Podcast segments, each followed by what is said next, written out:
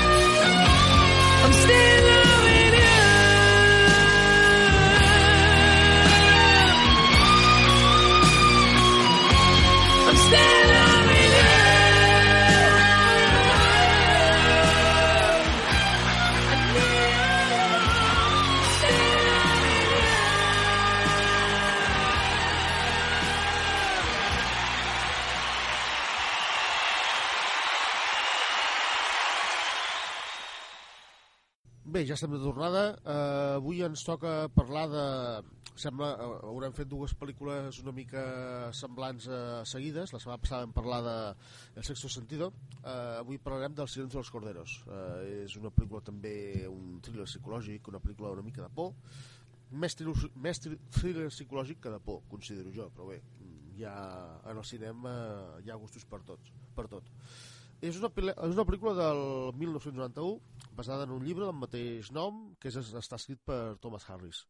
Eh, la pel·lícula i, el, i, i lògicament també els llibres tenen diverses seqüeles i diverses preqüeles. Per exemple, la seqüela, la part posterior que va trigar eh, 10 anys en fer-se, eh, i que va estar dirigida per Ridley Scott eh, és Aníbal, la segona part en la que eh, després en parlarem un dels dos protagonistes principals participava i l'altre no, després, eh, després ho parlarem tot això i, i preqüeles que són pel·lícules abans de la, de la primera, abans del Silencio dels Corderos, diguéssim, per explicar la història, eh, trobem Aníbal, l'origen del mal, i també trobem el Dragón Rojo. Eh, després parlarem una miqueta més, més bastament de totes aquestes, però una mica per posar-vos en òrbita eh, us faig l'explicació. Eh, la història tracta sobre una, una agent de l'FBI jove que acaba d'entrar a l'acadèmia i que té ganes de menjar-se el món, com és lògic. Eh, Clarice Sterling eh, està interpretada per Jodie Foster i eh, persegueix a, a un assassí en sèrie, Buffalo Bill, eh, que bé, doncs, eh, una de les poques persones que poden ajudar a trobar, a trobar aquest tal Buffalo Bill, eh, que està fent, està fent una, una matança, és eh, Aníbal Lecter, eh, un, un pres, una, una, una, un home extremadament intel·ligent, un, un cirurgià, eh, extremadament intel·ligent, interpretat per Anthony Hopkins, eh, que li diuen el caníbal perquè bé, crec que és obvi, eh, perquè té aquest, aquest sobrenom.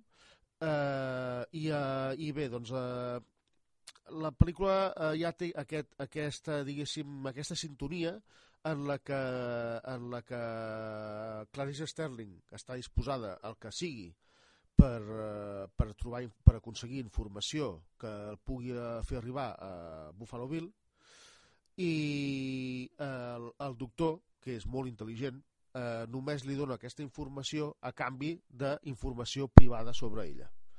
I bé, mm, hi ha escenes realment... Eh, bé, estic, m'estic recordant d'una escena que és una escena que ha sigut molt versionada en els zappings i està, és molt reconeguda en la que en la que Aníbal Lecter està amb una banda de, del vidre i Jodie Foster a l'altra, Claire Sterling a l'altra, i tenen una conversa, una, és una escena molt, molt potent, una, una seqüència molt potent, tota la, tota la seqüència potser dura 3-4 minuts, en la que surt la famosa, la, la refer, famosa referència als corderos, als, als anyells, eh, de quan ella era petita, vivia en una granja i sentia els anyells que anaven a, a l'escorxador, com cridaven.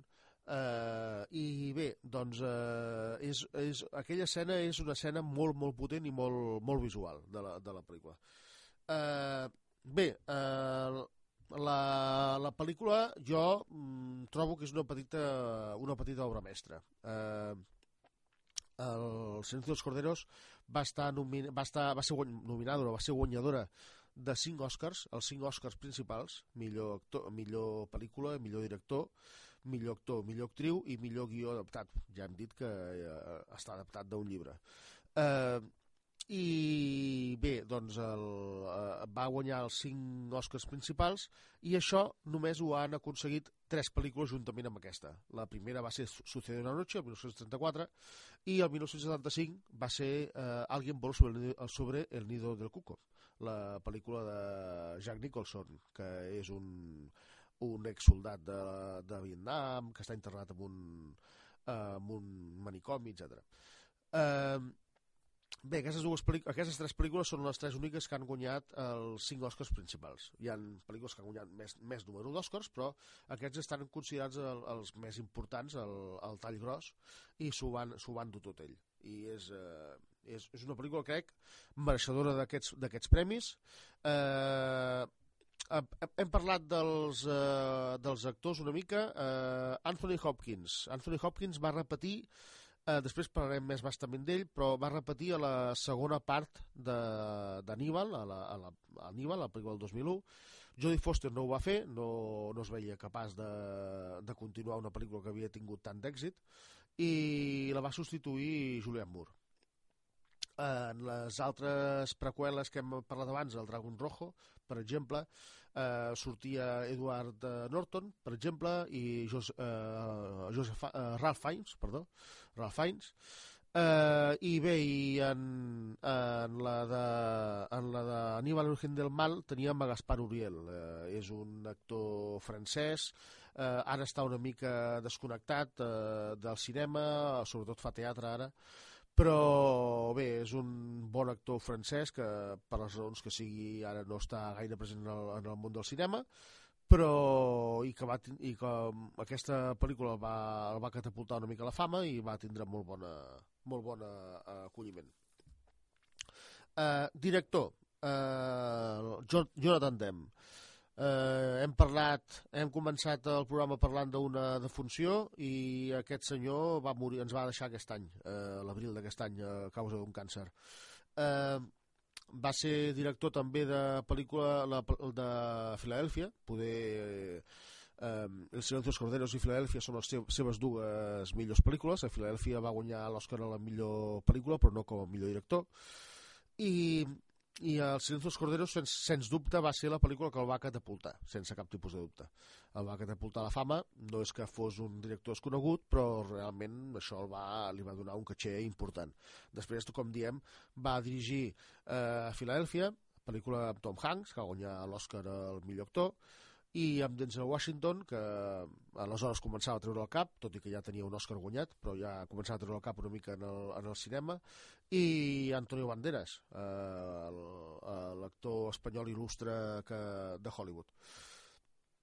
Eh, Anthony Hopkins. Anthony Hopkins eh, és un actor molt versàtil. Eh, sobretot eh, sempre ha fet papers més aviat d'una persona distingida, una persona honorable, eh, ben vestit, eh, ha fet papers de dolent, com és el cas, eh, per exemple, en El silenci dels corderos, si no estic equivocat, era la primera pel·lícula que feia de dolent, després ha fet de dolent en altres, en altres ocasions, com per exemple a Fracture. Però gairebé sempre l'hem vist eh, eh, fent, fent de bo. Eh, per exemple, la, a Thor és el pare de, el, a, Odin. I, i bé, doncs eh, també el recordem per eh, pel·lícules doncs, com eh, Lo que queda del dia, recordem per pel·lícules com Lo que queda del dia o eh, Leyendas de Pasión. I Jodie Foster, eh, que també parlem d'ella, ja bé, hem dit que va guanyar tots aquests eh, personatges que hem anat comentant, Jonathan Demme, Anthony Hopkins, Jodie Foster va guanyar l'Oscar, com hem comentat. Eh, Jodie Foster va guanyar, eh, aquest era el seu segon Oscar que guanyava, tres anys abans n'havia guanyat un altre per una pel·lícula que es deia Acusada, en la que ella feia el paper d'una noia que era, que era violada eh, en un bar, i, i bé, eh, aquest, com diem, era el seu segon, segon premi. I Jodie Foster té una carrera molt, molt metòrica. Potser, potser ara que és, que és eh, més gran, podríem dir, eh, la, ha, anat, ha anat una mica afluixant però, però la seva joventut fins als 30 i 40 anys ha sigut una, una carrera realment explosiva. Eh, el seu primer paper important, ja no, en vam parlar ja fa uns dies, eh, va ser eh, Taxi Driver. Eh, quan tenia 13 anys va fer el paper de prostituta eh, a l'amiga companya de, de Robert De Niro que sempre viatjava al taxi amb ella, amb ell, i, i bé, doncs, eh, el, aquella, aquella interpretació també li va valguer una nominació, una nominació, en aquest cas va ser una nominació a l'Oscar. Eh, el, parlant de la Judy Foster d'un tema que no té res a veure amb la interpretació, eh, va, no fa pas gaire eh, va anunciar la seva homosexualitat, era una cosa doncs, que, que, la, que molta gent ho pensava però no estava confirmat, ella mateixa ho va confirmar eh, sempre ha sigut molt recelosa de la seva intimitat, cosa que, que està molt bé, perquè, no, perquè siguis un personatge públic no has d'anar airejant la teva vida privada, això ho trobo perfecte. I, i bé, doncs, eh, molta gent la té com un referent, eh, molt, molta, molta gent homosexual la té com un referent en el sentit de que, de que, és, eh, de que és una persona, doncs, diguéssim, eh, destacada i una persona compromesa. Uh, aquesta setmana, uh, precisament, uh, a la TV1 el diumenge podem veure una pel·lícula de Jodie Foster, Elysium, uh, un, a, les, a les 10 de la nit, a la TV1 el diumenge podrem, podrem veure una pel·lícula amb Matt Damon i Jodie Foster, una pel·lícula futurista, jo us la recomano, és una gran pel·lícula en la que, en la que Matt Damon està en, en el fut, explica'm una mica la, la sinopsi, eh, en un futur una mica llunyà eh, la gent rica i eh, benestant viu en, una, en un altre exoplaneta, diguéssim, eh, fora de la Terra, que és com si diguéssim com, com, una, com una zona residencial, podríem anomenar-ho així, i la gent que no s'ho pot permetre viu a la Terra. I Matt Damon és un dels homes que viu a la Terra i per salvar la vida de la seva, de la seva neboda eh, doncs eh, fa el que faci falta per, eh, per, per, per salvar-la. No us explico més, us recomano que la veieu. Eh, Avui també a la TV1 eh, tenim eh, la, ja una mica més tardet, eh, a les 12 i 5, Mystic River. Us recomano que la veieu. Aquesta és la meva pel·lícula preferida, no sé si això, això us servirà perquè la veiéssiu, però, però és una gran pel·lícula, dirigida per Clint Eastwood, protagonitzada per eh, Sean Penn, Kevin Bacon, Tim Robbins, un gran elenc d'actors. Eh, al 4, avui també a tres quarts de 4 podem veure Percy Jackson i el ladrón del Rayo i eh, demà diumenge eh, també a la Tele5 fent la competència Milicium podem veure els 8 apellidos catalanes una pel·lícula que a mi no m'acaba de fer el pes però eh, és, el, és el que hi ha. Eh, eh, pel·lícules de, que podem veure al cinema. Eh, tenim dues per recomanar aquesta setmana. Uh, la primera, Musa, una pel·lícula de terror de Jaume Balagueró. Uh, Jaume Balagueró és el director de REC. Uh, I Oro, una recreació de, dels colonitzadors espanyols que van viatjar a les Amèriques en busca d'or. Uh, una pel·lícula protagonitzada doncs, per Raúl Arevalo, José Coronado, Oscar Jaenada, un elenc també d'actors eh, eh, espanyols importants. Bé, sí, bé, i sí. si a mi em deixes dir, a mi m'han recomanat, jo no l'he vista, eh, però m'han recomanat bastant El secreto de Marrowbone que és aquesta pel·lícula sí. d'un director espanyol, que és així com de terror, sí. com de misteri, i me l'han recomanat bastant. La, la, la, vam, la vam suggerir fa una setmana o dues, uh, Secreto, Secreto de Marromon, uh, pel·lícula de Juan Antonio Bayona. Vale, doncs se m'ha anat totalment. No, no, la torno a recomanar. No, no passa, no passa res. Nosaltres, ja està, ja està bé que fem, uh, refresquem la memòria, nosaltres sempre recomanem pel·lícules que s'estrenen aquesta setmana, les altres ja, la, la, ja estan estrenades, però ja està bé que fem aquesta recomanació. Me la van recomanar ahir, per això el lapsus, suposo. No, no, no, no, cap problema, cap problema, no hi ha problema. Totes les aportacions són bones. Eh, bé, doncs fem una, fem una pausa amb una música, amb una cançó i ara tornem amb les sèries. Ways in the gobble, when I see I wanna see, when I see I wanna ways in the gobble. Ways in the gobble, when I see I wanna see, when I see I wanna ways in the gobble.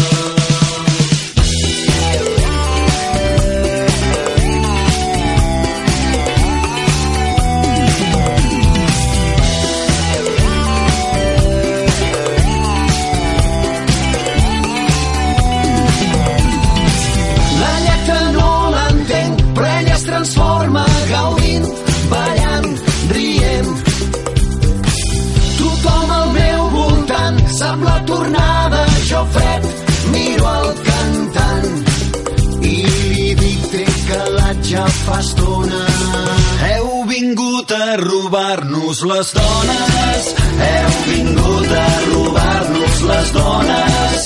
No som més que una banda de pseudopoetes feu quatre cors i us penseu qui sap què. Heu vingut a robar-nos les dones, heu vingut a robar-nos les dones.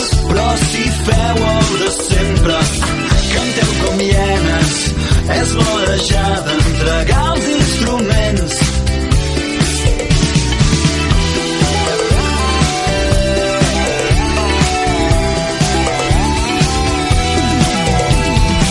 S'acaba el seu gran hit, ella m'abraça, seiem fluixet, li dic. Jo de cançons així, en una tarda, tampoc puc fer 25. Hi ha un subtext que mai no evoluciona. Les cançons diuen tota l'estona. Hem vingut, vingut, hem, hem, hem, les, les, hem, hem vingut a robar-vos les dones. Hem vingut a robar-vos les dones. Crisfataires del pop lletres repetitives. Fem quatre acords i ens en sobren i tot. Vingut a robar-vos les dones. Hem vingut a robar-vos les dones.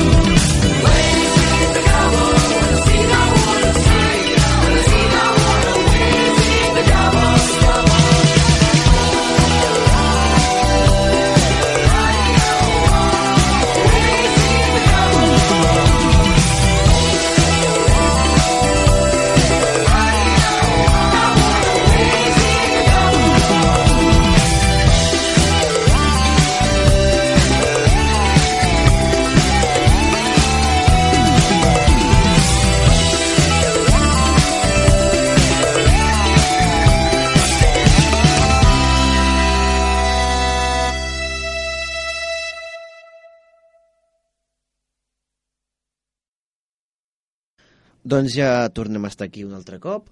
Uh, ara començarem amb les sèries i, per desgràcia, hem de tornar a parlar d'una trista defunció.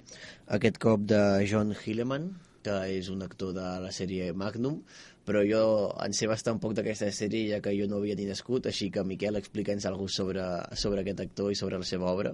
Sí, bé, eh, l'actor, bueno, eh, és era un actor anglès, eh, havia fet alguna pel·lícula, precisament havia treballat amb el Clint Eastwood en alguna ocasió, però, però bé, so, sobretot era conegut per aquesta sèrie, almenys nosaltres, nosaltres a casa nostra el teníem conegut per, per ser el Higgins de, de Magnum. Magnum, eh, la sèrie que s'havia més a TV3, eh, protagonitzada per Tom Selleck, amb el seu Ferrari despamparant, eh, que era un detectiu privat, i i Higgins, diguéssim, era doncs, com el seu mecenes, no? Eh, la seva, l'home ric que tenia aquells dos gossos, eh, eh, Zeus i el llamp, o ara no així. I, I bé, doncs, eh, era un actor molt entranyable, la veritat. Eh, almenys, almenys era la pinta que tenia la sèrie, una, un home molt, molt entranyable amb el seu affaire anglès. Bé, doncs una altra pèrdua que, que tenim, que, tenim que, que dir avui. Ja, ja en portem dues avui només. Esperem que no n'haguem de dir cap d'altra. Esperem que no. Bueno, avui anem a parlar d'una sèrie una mica més divertida per aixecar una mica els ànims sobre aquest sí. tema que hem deixat aquí una mica en baix. Anem a parlar d'una sèrie que segurament tots hagueu vist de matinada un dia que arribeu a casa tard i fiqueu la tele, que és Com conocí a vostra madre, una sèrie que mm, la fan... Eh, eh, és com Siete Vides, és com Plats Bruts, mai la deixen de fer. Mai la deixen de fer, en aquest cas la fan a la Neox, a, a la televisió que seria gratis, i a la televisió de pagament, que és on hi havia els capítols d'estrena quan la feien, perquè és una sèrie que ja s'ha acabat, eh, la feien a la Fox. A veure, com, no com conoce vuestra madre?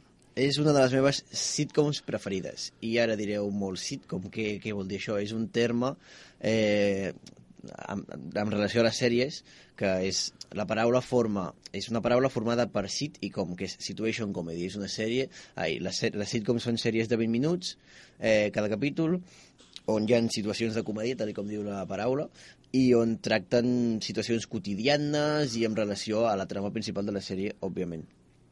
Eh, com conoces a madre eh, tracta sobre un noi, el Ted Mosby, que és el Josh Radnor, l'actor és el Josh Radnor, que a lo millor el coneixerem perquè ara és cantant, o a lo millor no el coneixerem perquè és cantant als Estats Units i aquí és poc famós, de veritat. Eh, doncs eh, és el Ted Mosby, que és l'ac- és l'actor principal, i la sèrie tracta sobre eh, les parelles que va tenint el Ted i sobre la seva cerca incondicional, infinita, de la seva dona perfecta. Eh, el Ted Mosby és una persona molt eh, especial amb les parelles i ha de ser molt especial la dona i eh, es veuen situacions de molta, molt riure en, en relació al Ted Mosby. I eh, un altre personatge principal és el Marshall Erickson que l'interpreta el Jason Segel que aquest ja sí que és un actor bastant més conegut. I ell és el seu millor amic i té un, el seu millor amic junt amb la Lily Aldrin que és la seva dona que és la Alison Hannigan, que aquesta també ja no és una mica més coneguda, doncs ells dos són els seus millors amics i estan sempre junts mm, a la sèrie i a la vida, a la vida real, en teoria, a la sèrie, eh, a casa, viuen junts, eh, estan sempre junts. Al primer capítol es coneixen a una nova pe- personatge, un nou personatge principal, que és la Robin Scherbatsky, que la interpreta la Cobie Smulders, que mm, no era gaire famosa llavors, però ara està fent bastantes pel·lícules d'acció, treballa bastant amb el Tom Cruise, eh, i bueno, va fent cosetes. I és una, el seu paper dintre de la sèrie és una futura parella del Ted. eh, La, la coneixen com a, com a la parella del Ted, com a la perfecta. Els primers capítols és, bueno, és impressionant el que passa amb ella i després doncs no sorgeix bé la relació. No és un spoiler perquè tothom ha vist aquesta sèrie i ja ho sabrà. I no sorgeix bé la relació aquesta que dura res, els primers capítols. I, i acaben, acaba sent part del, del, del grup d'amics. I per acabar, el meu personatge preferit que és el Barney Stinson uh, interpretat per el Neil Patrick Harris un actor ja molt experimentat i molt famós eh, el Barney Stinson és, bueno, és, és, és un espectacle de personatge. És el meu personatge preferit de la sèrie tot i que el millor és el més secundari. Eh, és, és, és com un, un home molt ric que no se sap mai de què treballa fins a l'última temporada. Sempre que li pregunten de què treballa diu por favor, sempre. I és un home doncs, que va molt amb dones. És un home que no, no li costa gens anar amb dones és més, una dada. Dintre de la sèrie eh, un capítol de la sisena temporada em sembla sisena, sí eh, explica les dones amb les que ha estat en tota la seva vida i bueno, la llista arriba a 200 i també hi ha un altre capítol que és el millor, capi el millor dels millors que es diu el manual de juego que ell, ell té un, una espècie de manual eh, per lligar amb dones. Tàctiques, enganyes, tretes i aquest el manual de juego que explica un parell, n'explica 5 o 6, n'explica unes quantes. I són molt divertits. Aquesta sèrie la considero com una, la meva sèrie preferida, sitcom i molt divertida, la veritat. La recomano a tothom qui vulgui riure un rato perquè val molt, molt, molt la pena. Llavors premis, aquesta sèrie ha estat premiada, bueno, 72 premis en total nominada, dels quals n'ha guanyat 18 entre els que es col·lueixin molts emis perquè, comptem la sèrie ha estat nominada a 72 premis n'ha guanyat 18, però ha estat nominat a 28 emis, tots a la millor sèrie de comèdia i els va guanyar l'Alison Hannigan i el, i el Neil Patrick Harris en una, en, com a millor actor de, de comèdia aquell any Actor i actriu. Exacte. Eh, ha, ha rebut molts premis de la People Choice Awards. Eh, bueno, ha, ha guanyat moltíssims premis aquesta sèrie. I també anem a parlar una mica del seu director. Perquè el seu director, que el, coneixereu... Ai, perdó, productor i director, perquè mm, fan de tot aquests homes, que és el Carter Bass. El millor el coneixereu perquè també és el productor i director d'una eh, una altra sèrie molt famosa, una altra sitcom molt famosa, que és Dos hombres i medio Ah, sí. per exemple, però que n'ha produït moltíssimes més. És un... Dintre de les sitcoms, li diuen l'eminència de les sitcoms perquè tot, tot el que fa es comparteix amor.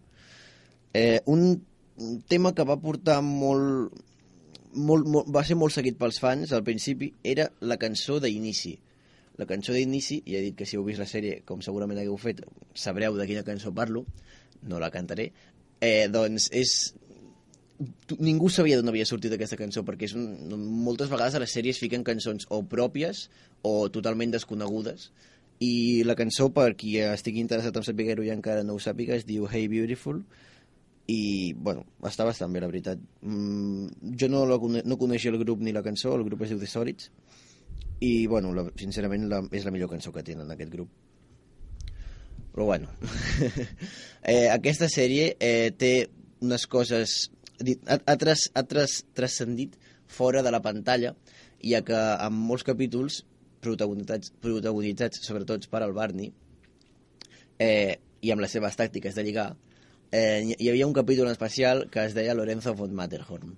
Aquest capítol tracta de una tàctica de lligar que es diu Lorenzo von Matterhorn, clar, i que consisteix en crear una pàgina web falsa, en crear uns perfils de xarxes socials fals, eh, fent veure que ets eh, l'home més impressionant, aventurer, eh, ric, bueno, del món per poder lligar, i aquestes pàgines webs, les pàgines del Lorenzo von Matterhorn, així com a petita curiositat us dic, que existeixen de veritat, la, la, la productora la, de, de la sèrie va voler transcendre de la pantalla i existeixen de veritat i hi ha molta conya sobre aquestes pàgines. Altres pàgines, com per exemple eh, Ted Mosby is a jerk, que la traducció seria Ted Mosby és un capullo, una pàgina web falsa. Totes aquestes pàgines estan a internet i n'hi ha moltes, n'hi ha en plan 20 pàgines d'internet 20 pàgines web falses que són idèntiques a les que surten a la sèrie i són molt, molt divertides.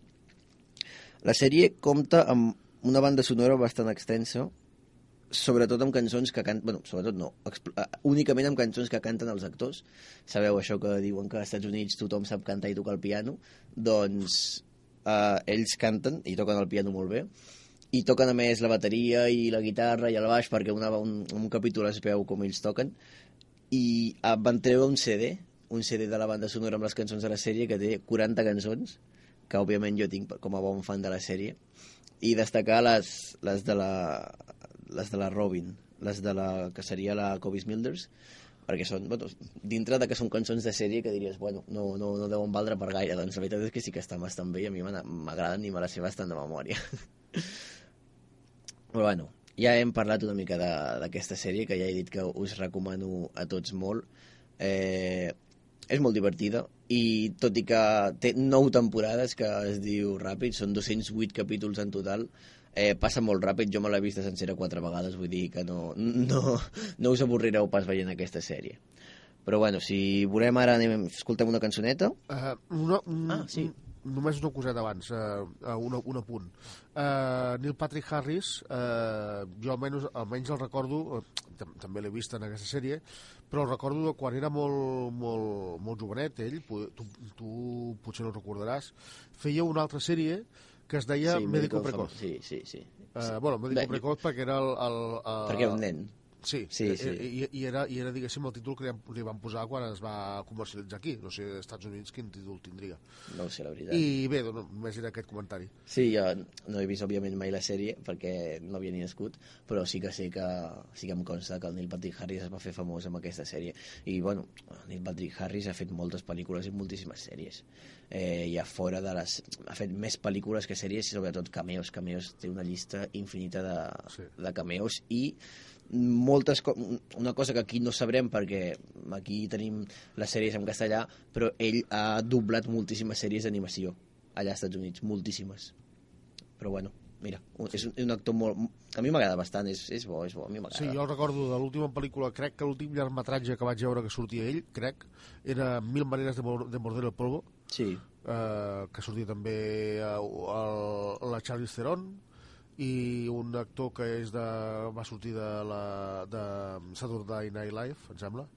bueno, sortia el Nian Leeson, sortien bons actors sortien bons actors. Bueno, i dirigida per el Seth MacFarlane, que si Ah, no el aquest, co- aquest, sí que també Ah, sortia la pel·lícula, sí. sí. I, bueno, que si no el coneixeu, jo us ho dic, és el, el director i productor també de sèries d'animació com Padre de Família, com Bob the Horseman, bueno, moltíssimes sèries d'animació eh, de, àcides, diguem, deixem-ho com que són d'humor àcid. Però, bueno, sí, d'aquesta pel·lícula que has dit, A Million Ways to Die in the World, jo només em sé el nom en anglès, ho sento, com has dit? Mi, Ah, bueno, mil, un mil milió de ma- maneres sí. polvo. Eh, la Charlize Theron i el Liam Neeson com a actors així més importants. Sí, vale, d'acord. Doncs pues moltes gràcies, Marc. Doncs pues ara fem una cançó i tornarem amb els esports.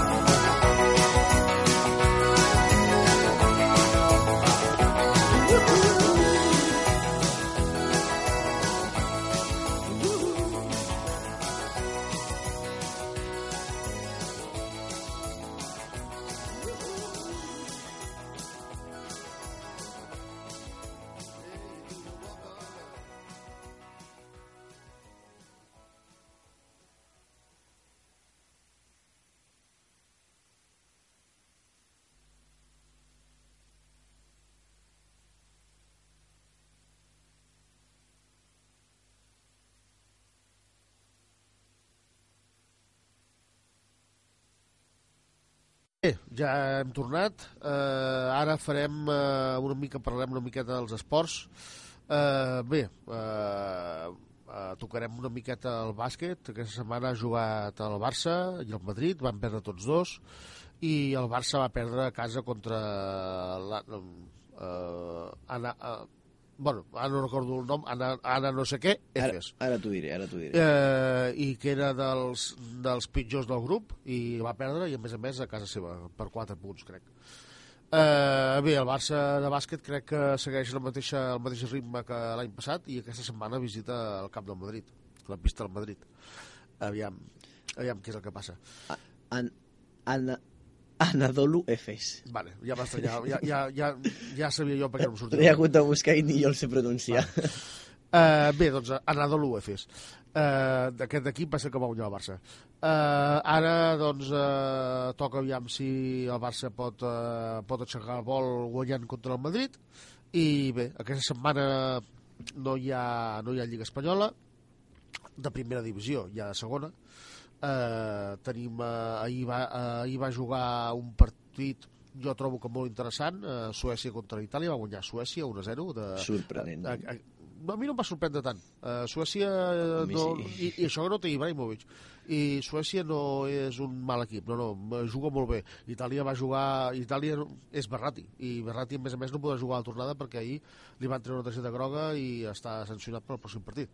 I Itàlia jo crec que se li complica molt l'assistència al Mundial perquè aquests partits, recordem que és la repesca pel Mundial, eh, repesca en la que, per exemple, l'Argentina Leo Messi ja està classificada, que es va classificar a l'últim partit. Eh, però però jo penso que Itàlia ho té magre, eh? eh D'acord que és un 1-0, i... però un 1-0 t'obliga a fer dos gols i que al contrari te'n faci cap. I eh, Itàlia no és la selecció més golejadora de la història. Eh, No, precisament. No, no ho sé. Ho té, ho té una, mica, una mica delicat.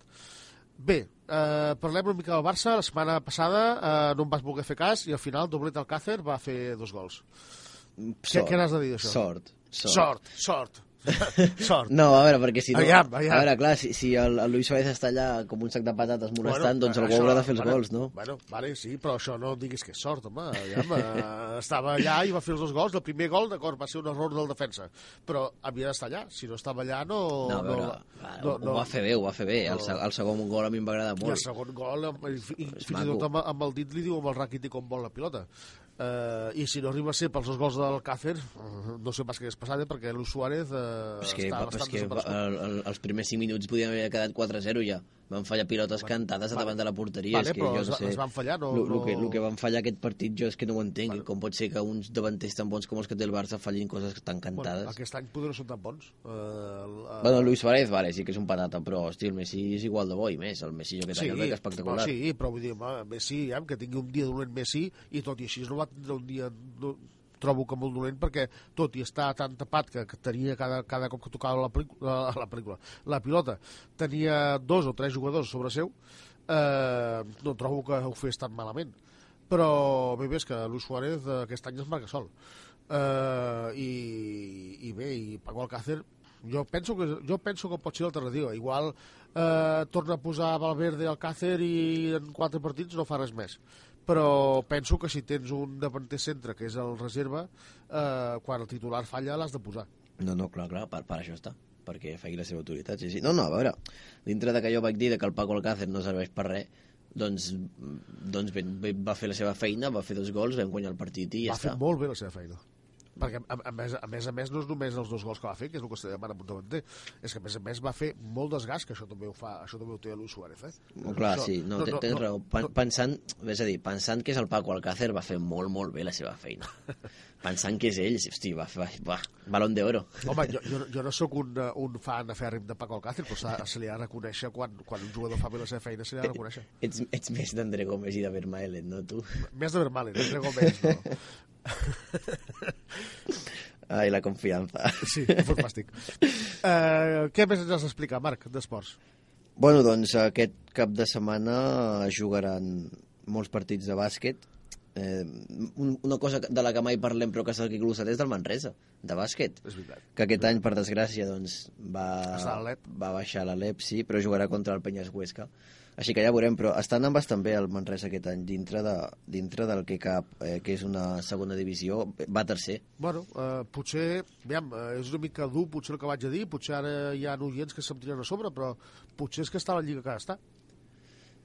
Doncs uh, potser sí, potser- és que, clar, uh, és que se, se, feia molts anys que n- no baixaven per, per, temes, Per- econòmic, per, temes econòmics de, del, del, del, dels equips de l'Alep, que no tenien suficients fons com per poder permetre's la reforma de l'estadi i pagar el que s'ha de pagar per estar a la, a la, a la LCB. P pels despatxos, no baixaven pels despatxos. Tot, I, totalment, i, llavors... i, to- I tot i que el Manresa en la seva època gloriosa home, va, guanyar, va guanyar la Copa i la Lliga el va 98. guanyar la Copa i la Lliga, eh, eh, però, clar, a la seva època gloriosa en la seva, havia un senyor que es deia Middleton, un senyor que es deia Chichi Creus, un senyor que es deia Alston, eh, un senyor que es deia Esteller, tots Mm. aquests ja hi són. Eh, ara ens hem de quedar amb el que tenim. Tu- I, clar, eh, de lo que tenim potser l'únic salvable Montañez i ja, ja és un home ja que va cap a la seva retirada eh, bé doncs No, a veure, totalment, és una, és una llàstima, la veritat, però, però és el que és, la veritat. No sé, a veure, jo crec que tots els equips de qualsevol tipus d'esport, equips i personatges tenen pujades i baixades, a millor ara estem en baixada, però potser un altre any tornem a pujar, qui ho sap. sí, no Ja no dic pujar de divisió, pujar de nivell, El de, nivell. de bàsquet, perquè jo he, he sigut, ara ja no, eh, però abans era més seguidor del bàsquet i, i a veure, el Manresa no és que si, sigués gaire bon equip, quan jo era seguidor fa un parell o tres d'anys, mm, ja et dic, no baixava per, per el que tu dius pels despatxos. Una, una, Sempre. cosa, una cosa està clara, un equip, eh, encara que sigui el Manresa, que no té ni 80.000 habitants, eh, si no té recursos econòmics no pot fer, no, no, no fa, no, No, clar. no pot subsistir a El l'ACB. bo que ha tingut el Manresa són els seus, els seus observadors que han fitxat jugadors molt bons però que s'han anat com a l'Ibaca, per exemple, com el Llull, com jugadors boníssims que ara són top mundials i doncs s'han anat Sí, perquè, el- perquè equips amb milions doncs els han fitxat Però és que a més a més el Barça és, ah, Barça, perdó, el, el Manresa o TDK, Manresa, Bàsquet Manresa, digueu com vulgueu, eh, és un aparador. Eh, o sigui, hi ha jugadors que són joves o que ju- jugadors que potser són descartes de la NBA i no acaben de trobar el lloc en un equip referent a Europa, eh, venen al Manresa, eh, fan contracte per un any, o a vegades ni això, i de seguida quan hi ha un equip una mica més bo, eh, València, Barça, Madrid, qui sigui, se l'emporta. És un aparador. Eh, el Manresa ara mateix és un aparador. Eh, i, i, eh, i, el, i és una altra crítica poder ara més cap, a, cap, al, cap als despatxos de, de, diguéssim, de, de Manresa, per entendre'ns. Però eh, si, un, si un equip, com volia comentar abans, si un equip no té, no té pressupost econòmic, no té solvència econòmica, no pot fer res a l'ACB. I el Manresa no ha tingut mai solvència econòmica, sigui per l'Ajuntament o sigui per el que sigui, això no m'hi ficaré, eh, no ha tingut mai solvència econòmica i ni tan sols quan va guanyar la Lliga i la Copa. Llavors, mm, és impossible. Si, si ni tan sols guanyant la Lliga i la Copa tens solvència econòmica, no es pot fer. no, no, no totalment però bueno, què hi farem? Seguirem, seguirem allà a l'Alep a veure si algun dia tornem a pujar. I bé, alguna altra notícia tornant al futbol. Aquesta setmana estem una mica orfes de notícies futbolístiques perquè no hi ha, no hi ha hagut Champions, no hi ha, no hi ha Lliga, però bé, el, el Madrid, per exemple, va guanyar, va guanyar 3-0 Sí. eh, contra les Palmes, eh, eh, amb tots els respectes cap a les Palmes, un equip de coixos. Eh, amb tots els respectes eh? Eh, però, clar, és que eh, jo, jo clar, no entenc ni com, eh, ni com només li van fer tres. a veure, van penúltims a la Lliga vull dir, Clar, tampoc. per això vull dir que... jo crec que si segue... les Palmes i el Màlaga jo aquest any els veig molt fora de la Lliga eh? i l'Alavés va pel seu camí que va també en penúltim Doncs jo, mm, eh, ja, sí, són els dos equips que els veus, els tres equips que els veus més malament. Però jo, potser dels tres, fixa't el que et diré, potser el que veig més possibilitats de salvar-se és el Màlaga. Perquè el Màlaga sempre ha sigut un equip que ha estat sempre, sempre lluitant per, per, per no baixar, per, eh, no, no ha tingut mai aspiracions d'arribar ni a l'Europa League, ni a Champions, ni res. Simplement el, el no baixar i ja està acostumat a aquestes situacions. En canvi, les Palmes ve d'un any en el que s'estava parlant de si aniria a l'Europa League, si aniria fins i tot a la Champions, i ara s'està trobant amb això, a un canvi d'entrenador també, eh, va, recordem que va començar la temporada amb Manolo Márquez, eh, l'únic entrenador català que hi havia a la Lliga Espanyola, eh, i ja el van, eh, ja el van destituir i ara no recordo exactament qui és l'entrenador, però ara no, no, no, no al cap. Però, però bé, eh, ja el van destituir i bé, doncs eh, l'entrenador és el Mitchell. No, de, de les Palmes estic parlant. Ai, el perdó. Mitchell és del Màlaga. T'enreo, t'enreo. eh, i per això jo veig el, el Màlaga potser més en el seu rol. No, no és que estigui millor perquè de puntuació més menys està igual però potser eh, moralment estan més preparats per sortir d'aquesta situació que no pas el Màlaga o l'Alavés l'entrenador és el Paco Allestaran Paco i estaran, correcte, que era abans entrenador del València. Correcte, sí. Sí, sí, sí, sí. Bueno, no sé, ja, ja veurem com, com va, però jo... El... Tu dius que el Màlaga potser és... Jo el veig bastant malament, el Màlaga, eh? no, no, no, no vull Jo, jo, jo recordo el Màlaga de fa uns anys que estava a Champions i uf, Oh, Màlaga Champions va jugar va jugar per algun partit de Champions fa uns anys sí, a vuitens o alguna així. ah, però sí però bueno hauria de ser quan, quan, havia, quan havien, tenien tants jugadors bons que tenia el de Michelis, tenia l'Isco tenia tots aquests jugadors bons. Però bé, va ser un any eh, un any no... però últimament el Màlaga si ens hi fixem i, i anem veient sempre ha estat de la mitja taula en avall. Sempre està lluitant per, per no baixar. Ja, ja no mirant de la mitja taula en amunt simplement mirant eh, de les tres posicions de, de baix lliurar-les. I, i en canvi l'Alavés i les Palmes sempre han estat també la seva primera prioritat, imagino que és la permanència, però sempre mirant més amunt que no pas avall. I potser el Màlaga, és el que jo vull dir, no vol dir que es compleixi, eh? potser són els tres que han de baixar i baixant tots tres, però potser el Màlaga és qui té més més eh, moral per sortir d'aquesta situació, més que qualsevol dels altres dos. A més a més, també l'Alavés no sap ben bé què juga. L'altre dia va jugar contra l'Espanyol i no se sabia ben bé què jugava. Uh, un equip desdibuixat. Uh, Munir, eh, per mi, és l'únic que fa una mica alguna cosa i també té la, la mira molt desviada aquest any. No fa un gol ni que, ni que li, li recomani el metge. I uh, Bojan, Bojan no ho entenc, està sempre a la banqueta que potser tampoc faria res, no sé, però clar, si no el poses, evidentment no... No, no, clar. No, no, no t'aportarà res. Eh, no sé, eh, jo veig un, jo veig un Alavés també molt desdibuixat, molt estrany. No sé què ja, penses tu. Ja, no, sí, tens raó amb l'Alavés. Jo he vist un parell de partits de l'Alavés, tampoc gaires, i tens raó amb això, que jo, el primer, el primer partit que vaig veure, vaig pensar, mira, aquest està jugant com l'Atlético de Madrid fa uns anys. A mantenir la possessió, a marcar un gol i a defensar. I després vaig veure un altre partit que jugaven al revés, que jugaven molt a l'atac. No ho sé, no, no ho sé què juguen aquest any, però bueno, ja, ja veurem com va avançant. No sé, l'any passat se'l veia bastant millor, però bueno.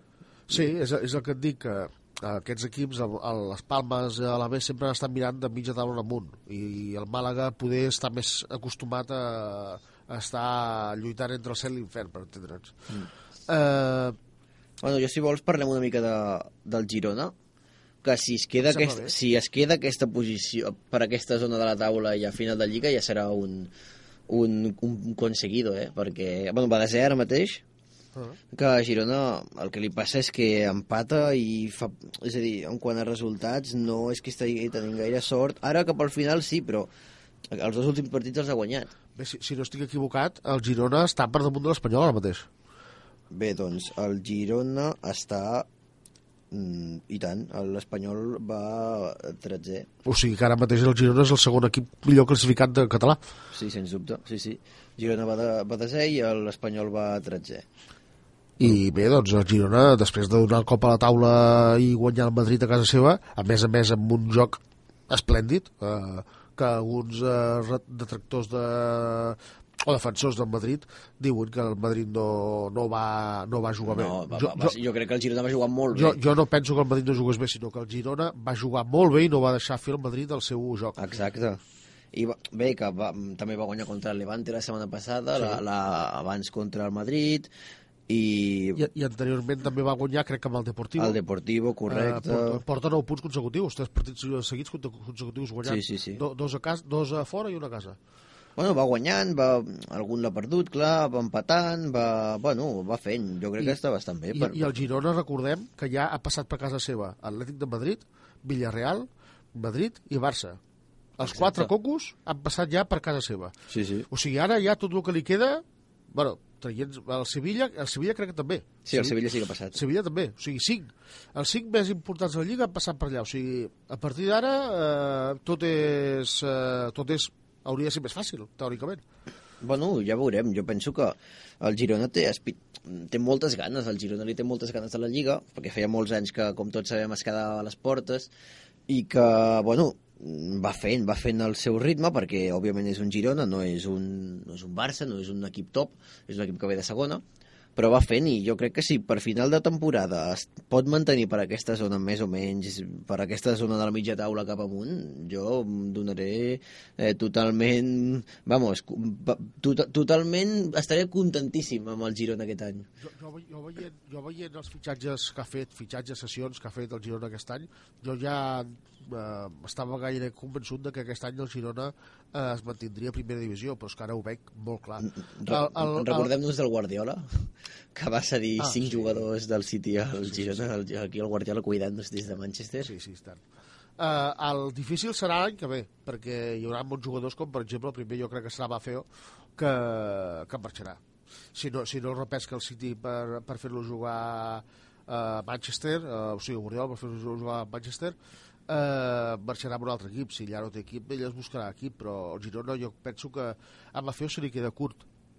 I un altre descobriment que he fet del Girona aquest any en les últimes jornades ha estat el porter uh, Bonó eh, un porter marroquí amb ascendència francesa eh, i que és una, bueno, una, una espectacularitat. Eh, és espectacular, és eh, un, eh, un eh, porter molt àgil, alt... Eh, bé, bé, jo...